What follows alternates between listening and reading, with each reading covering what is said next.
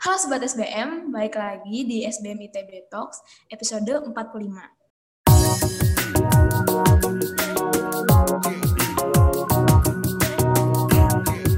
Jadi, hari ini bakal ditemenin oleh aku, Anina Putri dari Manajemen 2021. Uh, kita bakal diskusi bareng, tentunya aku nggak sendiri karena aku ditemenin oleh speaker yang keren banget, itu alumni dari SBM ITB 2020 dan CEO sekaligus founder dari Forbetric.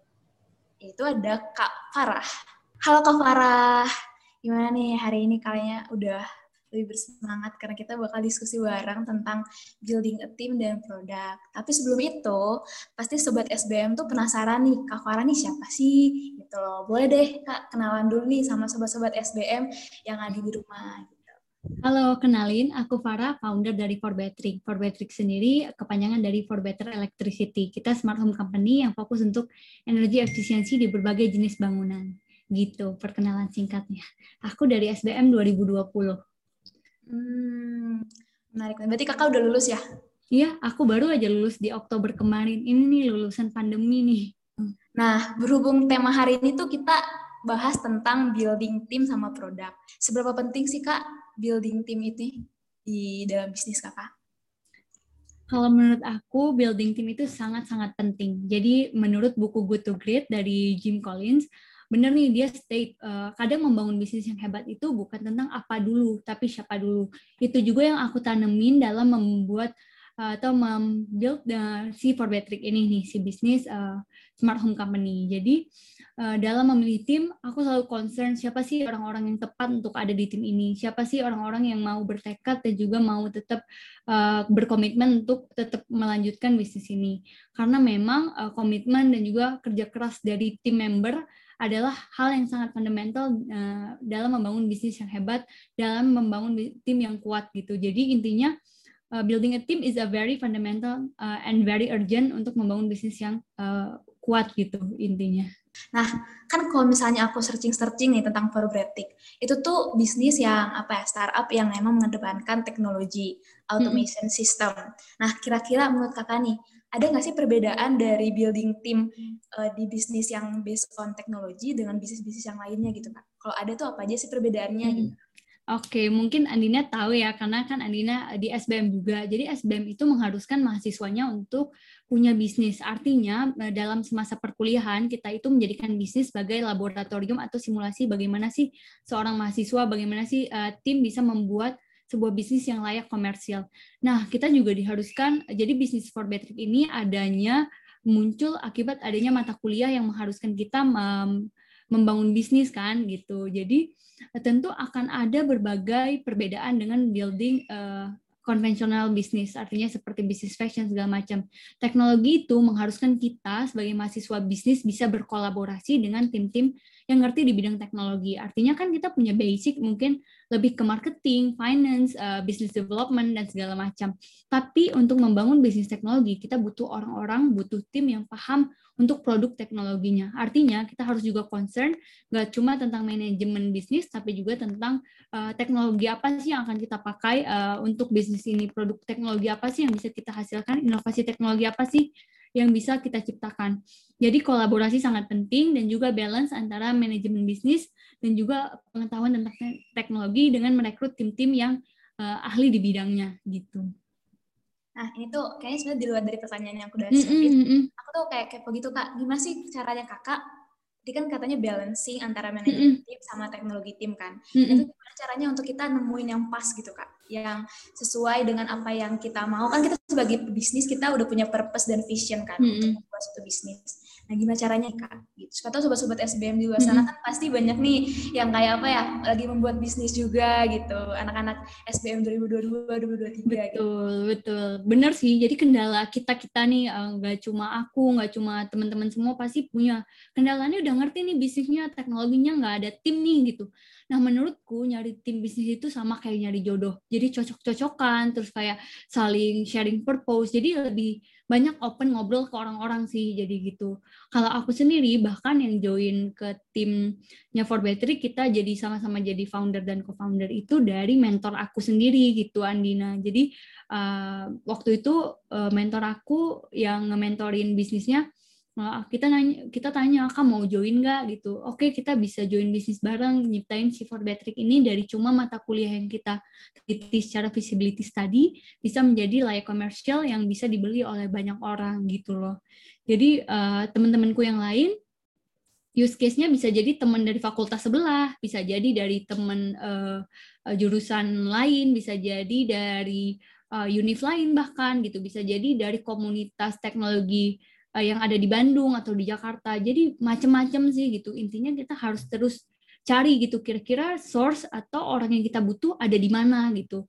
Misalnya produk teknologinya smart home artinya carinya di informatika nih anak-anak informatika atau mentor-mentor yang uh, di bidang teknik fisika atau yang di bidang itu. Kalau misalnya bisnisnya di bidang lain, misalnya ada itu tentang peternakan lebah, IoT peternakan lebah. Artinya mungkin nyarinya di fakultas-fakultas yang relate sama uh, bisnis itu. Intinya kita harus terus mencari dan open obrolan sih ke banyak orang gitu. Kira-kira ada nggak ya orang yang sesuai yang bisa join ke kita gitu. Hmm, menarik, menarik. Mm -hmm. Tadi kalau misalnya aku dengar dari kata kakak tuh tentang kakak tuh berarti ngerekrut macam-macam jenis orang. Berarti kalau mm-hmm. misalnya macam-macam jenis orang tuh dia punya personality masing-masing kan. Ya Betul. Ya memang kalau misalnya disatuin tuh bakal kalau nggak bisa nyatu tuh bakal ada konflik atau segala macam. Nah, mm-hmm. kalau di tim kakak sendiri tuh pernah nggak sih ada kendala seperti itu kak? Betul, apalagi kita ya yang timnya terdiri dari orang-orang yang dipaksa bangun bisnis di masa kuliah gitu karena sebenarnya kita nggak tahu concern orang itu sebenarnya dia dalam menjalankan bisnis ini apakah cuma untuk mata kuliah aja apa dia emang pengen melanjutkan atau dia emang suka bisnis atau dia selalu pengen ngapain kita nggak pernah tahu jadi dalam building uh, core team itu it is very challenging gitu menurut aku pribadi tapi intinya uh, paling yang kita terapin itu untuk memanage ekspektasi tiap orang yang ada di tim. Bukan berarti kita push lo harus komitmen gini gini gini enggak, tapi kita karena ini base-nya ya, base-nya itu mulai dari mata kuliah yang awalnya cuma untuk pelajaran, untuk nilai, untuk praktek, Eh, setelah lulus akan lebih profesional dengan cara kita manage ekspektasi. Kamu di eh, di bisnis ini atau di tim ini ekspektasinya apa? Apakah cuma sebatas untuk kuliah aja atau setelah ini pengen lanjutin? Nah, bagi orang-orang yang pengen lanjutin, itu juga nggak serta-merta bisa semuanya lanjut gitu. Kita akan nilai dari beberapa tools, salah satunya misalnya balance scorecard, dan juga performance appraisal. Dari performance appraisal, setiap member akan menilai teman-temannya dan juga menilai diri dia. Dia bisa menilai dari uh, job knowledge, uh, quality, quantity of work, creativity, commitment, uh, dan juga bisa sampai uh, inisiatif dan reliability. Intinya ada beberapa aspek yang kita nilai bareng-bareng sih gitu. Eh, apakah si dia dan dia layak untuk lanjut gitu sih. Apalagi kita ya ada pembuatan PT gitu si for battery. Pembagian sahamnya itu benar-benar based on skill dan juga contribution gitu sih. Biasanya tuh bisnis teknologi itu mengedepankan inovasi ya kak. Betul. Kayak apa yang dibuat tuh pasti selalu yang berinovasi mm -hmm. atau yang baru gitu. Dan sampai melupakan apakah produk itu tuh dibutuhkan masyarakat atau enggak. Nah, mm -hmm. kalau for sendiri tuh ini lebih ke mana kak? Lebih ke arah innovation product atau based on customer wants atau need atau dua-duanya kak? Nah kita selalu uh, bangun bisnis itu seinovasi uh, walaupun uh, intinya inovasi ya, tapi itu harus selalu ada customer pain and gain-nya. Jadi itu harus based on customer problems gitu. Jangan udah produk super high tech tapi sebenarnya market nggak butuh gitu. Jadi intinya aku bisa bilang kayak for battery itu intinya harus menjawab permasalahan gitu, harus dibutuhkan oleh masyarakat. Walaupun mungkin nggak se high tech. Uh, aku bisa bilang ya produk for battery ini produk teknologi, tapi nggak se high tech itu juga karena kita melihat produk yang dibutuhkan pasar gitu. Produk yang dibutuhkan pasar adalah produk yang bisa dipakai. Artinya produknya friend uh, user friendly fitur produknya yang benar-benar menjawab permasalahan uh, uh, produknya juga nggak mudah didapatkan gitu-gitu loh. Jadi produknya walaupun inovasi harus menjawab permasalahan gitu. Jangan sampai inovatif banget tapi nggak dibutuhin gitu loh. Boleh deh kak jelasin dikit for better itu gimana sih kak gitu? For better gitu kan tadi kepanjangannya for better electricity. Jadi intinya kita adalah sebuah perusahaan yang menyediakan service untuk uh, bagaimana bangunan-bangunan bisa menghemat energi yang ada di bangunan mereka. Karena isunya itu banyak sekali pemborosan listrik yang terjadi di berbagai jenis gedung karena penggunanya lalai gitu loh, nggak tahu. ini uh, produk atau elektronik apa aja yang sebenarnya nyala terus tapi padahal nggak dipakai gitu. Uh, jadi for battery bisa mengautomasi penggunaan uh, listrik yang ada di rumah dan bangunan-bangunan seperti kantor, hotel segala macam. Dan juga dari sana mereka bisa tracking, oh udah berapa pengeluaran listrik bulan ini, produk apa aja yang boros yang harus dihemat, ada rekomendasi segala macam dan juga bisa jadi bisa ganti behavior orang-orang yang tadinya boros dan nggak tahu nih elektronik yang nggak nggak digunakan ini bisa jadi lebih uh, hemat gitu dari penggunaannya. Jadi bisa lihat uh, produk ap, uh, listrik apa aja nggak kepake, jadi bisa dimatiin secara otomatis dan juga bisa di schedule gitu sih. Nah, kalau aku tuh kan penasaran juga ya kan karena banyak juga nih sobat-sobat SBM kayak mau bikin bisnis based on teknologi tapi masih ragu kayak mm-hmm. bisa nggak ya aku kayak nge-build produk based on teknologi? Apakah itu butuh riset yang lama banget atau butuh biaya yang banyak banget? Kira-kira gimana sih kak untuk kayak meyakinkan diri gitu untuk tetap maju aja terus gitu untuk membuat produknya? Hmm gini sih intinya produk teknologi itu banyak ya maksudnya website juga udah teknologi uh, jadi teknologi itu range-nya banyak. Intinya kamu harus pelajari dulu cost and benefit-nya. Apakah uh, produk ini benar-benar dibutuhkan pasar, kamu harus analisa. Jangan cuma karena keinginan, aku pengen produk teknologi gitu, tanpa ada riset, tanpa ada perhitungan. Intinya bisnis apa pun, mau teknologi, mau konvensional, itu harus ada hitung-hitungannya dulu, harus ada risetnya dulu. Apakah uh, udah secara problem udah fit gitu apa apakah ada problem solution fitnya apakah ada produk produk market fitnya, apakah ada bisnis model fitnya gitu. Kalau ketiga itu udah ada secara riset, secara kamu implementasi, go for it gitu. Even kalau teknologi takes time and takes more money, kalau itu worth the market and worth the price, go for it gitu. Cari tim yang oke. Okay. Apalagi sekarang teknologi itu nggak harus di develop dari nol gitu. Kita udah bisa nyari vendor yang bisa support. Intinya kita kan yang penting desainnya, desain teknologinya dan eh, inti dari value teknologinya. Kalau kamu develop sendiri mah prototype aja gitu, tapi untuk desain komersialnya ya untuk produksi masalnya kan kita bisa udah nyari vendor segala macam bisa kerja sama sama outsourcing gitu jadi nggak perlu terlalu ribet lah mikirnya ya kalau itu udah worth the market and worth the price go for it sih gitu. Menurut kakak nih karakteristik tim seperti apa yang dikatakan tim yang impian kakak gitu? kalau tim, kalau karakteristik ya aku paling seneng uh, tim yang punya resistensi dan resiliensi yang oke okay, gitu. Artinya uh, kalau ada masalah apa-apa, kalau uh, ada apa ya isu apa-apa itu saling uh, support dan pengen nge-solve itu dengan cepat gitu. Intinya apa pun yang terjadi sama nih company gitu kita sebagai member harus resilient sama harus resisten dalam menghadapi itu dalam bekerja dalam punya work ethic yang uh, work ethicnya dan juga dalam mengerjakan daily task gitu-gitu sih. Jadi harus agile juga. Jadi agile resiliensi sama resistensi gitu. Uh, terlepas dari itu timnya harus winning team itu kalau menurutku ya ada uh, mungkin di SBM juga kita diajarin harus ada harus ada hustler business person, harus ada hipster, orang yang bisa ngedesain, harus ada hacker. Itu teknologi timnya, gitu sih. Kan dalam buat startup teknologi itu tuh benar-benar harus mengedepankan tim yang baik, tim yang kompak gitu-gitu ya, Kak.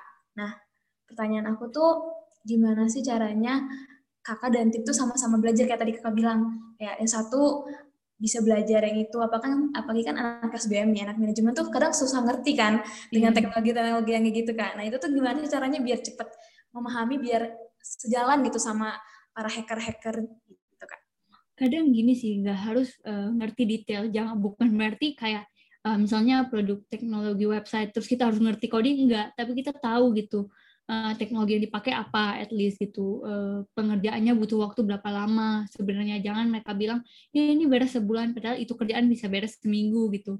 Terus harus tahu basic pembuatan. Kalau aku ya basicnya gitu harus tahu kayak teknologi hardware aku tuh pakai uh, chip apa aja gitu gitu si produk yang dibutuhkan apa aja secara teknologi. Terus pembuatan website aku harus ngerti gitu kurang lebih cara pembuatan landing page website itu yang basic aja sih bukan berarti harus ngerti coding segala macam tapi intinya kita tahu inti dari teknologi yang kita pakai buat yang kita jual itu teknologinya apa gitu uh, product knowledge-nya jadi kita jangan cuma bisnis knowledge-nya, bukan cuma marketingnya, tapi kita harus tahu produk knowledge-nya.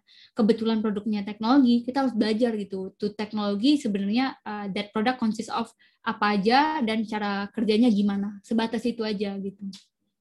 Produk knowledge-nya harus tahu banget. Oke deh kak, satu lagi terakhir nih kak. Tips okay. and trick nih kak untuk apa ya membuild tim dan membuat produk yang berinovasi gitu.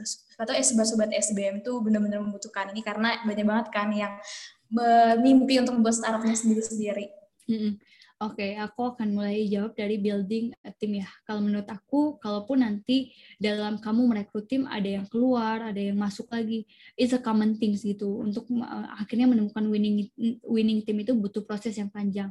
Tapi intinya dalam membangun bisnis is not it's not always about what is the business, tapi who is the people in the business gitu. Carilah orang-orang terbaik yang kamu yakin bisnis ini bisa berkembang ke depannya karena ada mereka di dalamnya sih gitu. Jadi even kamu ganti strategi, ada pivoting idea, kalau kamu kalau kita bersama orang-orang yang tepat, kalau sobat-sobat SBM ini bersama orang-orang yang tepat, eh, maka bisnisnya bisa jalan dengan tepat juga. Jadi sobat SBM, ayo pilih tim yang oke, okay, pilih tim dengan serius gitu, jangan asal comot sana sini gitu. Terus yang kedua, eh, cara membuat produk yang inovatif, intinya eh, produk tersebut harus eh, punya masalah yang diselesaikan, harus ada problem solution fit-nya. Yang kedua, kalau masalahnya udah fix ini, ini masalah yang mau diangkat dengan produk ini. Produknya itu harus bisa menjawab permasalahan tersebut, yaitu ada produk market fit, artinya produk tersebut diterima oleh masyarakat. Masyarakat tuh punya willingness to pay untuk produknya kamu gitu, punya keinginan untuk membayar untuk untuk membeli produknya kamu. Terakhir, secara bisnis modelnya harus fit juga. Artinya ini jenis bisnis model harus menguntungkan perusahaan kamu in a short and a long term gitu. Oke, menarik banget diskusi kita hari ini, Kak. Mm-hmm. Saya aku bisa simpulin dalam satu kalimat tuh kayak kita harus punya tim yang tepat untuk membuat produk yang tepat dan berinovasi. Betul. Nah, terima kasih Kak untuk hari ini diskusi ya singkat tapi benar-benar berinsight sama teman-teman yes. SBM semuanya. Iya, semoga sobat SBM bisa uh, bisa ngambil manfaat dari topik kita hari ini. Aku juga masih belajar sih. Jadi kalau ada kekurangan mm. salah salah dari aku, aku juga masih belajar gitu. Iya, kita sama-sama belajar aja, Kak. Yay. Nah, Sobat SBM, di episode 45 kali ini tuh harus berakhir, tapi jangan khawatir, karena kita bakal ada lagi di episode-episode lainnya. Jangan lupa juga untuk mengklik tombol like, komen, share, dan subscribe akun YouTube SBM ITB, dan juga memfollow akun Spotify-nya SBM ITB. Nah, karena itu, sampai jumpa di episode selanjutnya. Bye-bye. SBM ITB for the greater good.